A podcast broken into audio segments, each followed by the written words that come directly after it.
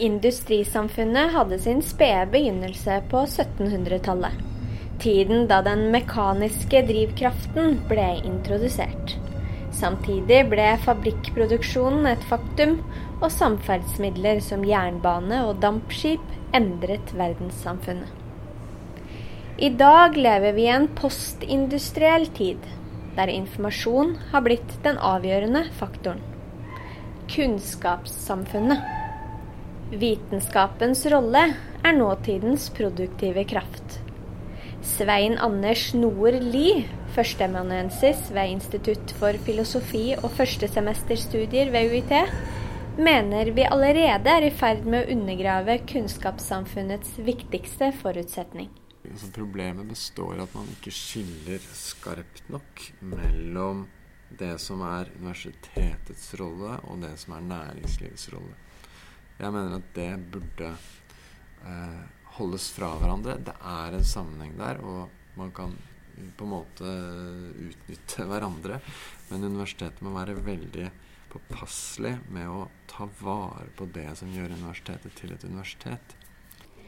I dag blir kunnskap ofte sett på som en viktig ressurs for å opprettholde og videreutvikle den norske økonomien og velferdsstaten.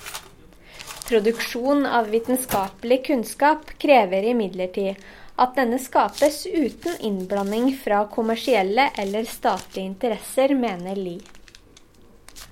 Det som gjør kunnskapen verdifull, det som gjør at vi faktisk ønsker å Eh, benytte oss av den kunnskapen som universitetet da frembringer, det kan hende at det er litt trua av, av de interessene som ønsker å bruke den kunnskapen. I fremtiden så vil det bli viktigere å, da ha et såpass høyt kunnskapsnivå at uh, man kan benytte seg da av uh, på en måte uh, de ressursene som er tilgjengelige ved et høyt kunnskapsnivå. Og da mener du at det er viktig å bevare selvstendigheten hos, eh, eller ved universitet bl.a. Mm. På hvilken måte skal man gjøre det?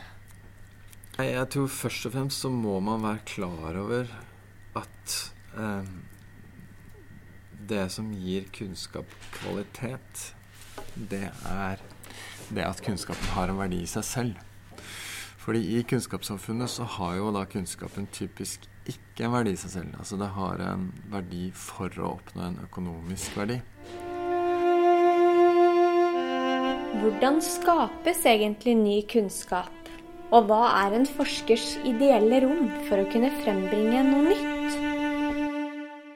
Det som på en måte sikrer god kvalitet på kunnskap, nemlig det at du søker faktisk å forstå virkeligheten, eller forstå et fenomen, bare fordi du liksom kan ikke hjelpe for det.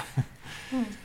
Det er jo det som faktisk gjør at du også blir interessert i eller oppmerksom på ting som kanskje ikke passer med det du kanskje først tror, da, og som gjør at du går videre, og som dermed altså, gir eh, vitenskapelig utvikling og slike ting. Men når du sjøl driver med forskning, da, hvordan mm. er det du ønsker å drive med forskning? Drømmesituasjonen eh, Det å sitte og lese bøker, skrive, gå frem og tilbake mellom artikler, bøker, skriving eh, Det syns jeg er utrolig tilfredsstillende. Givende. Er det det du mener at universitetet burde verne om, da? Egentlig i praksis? Ja.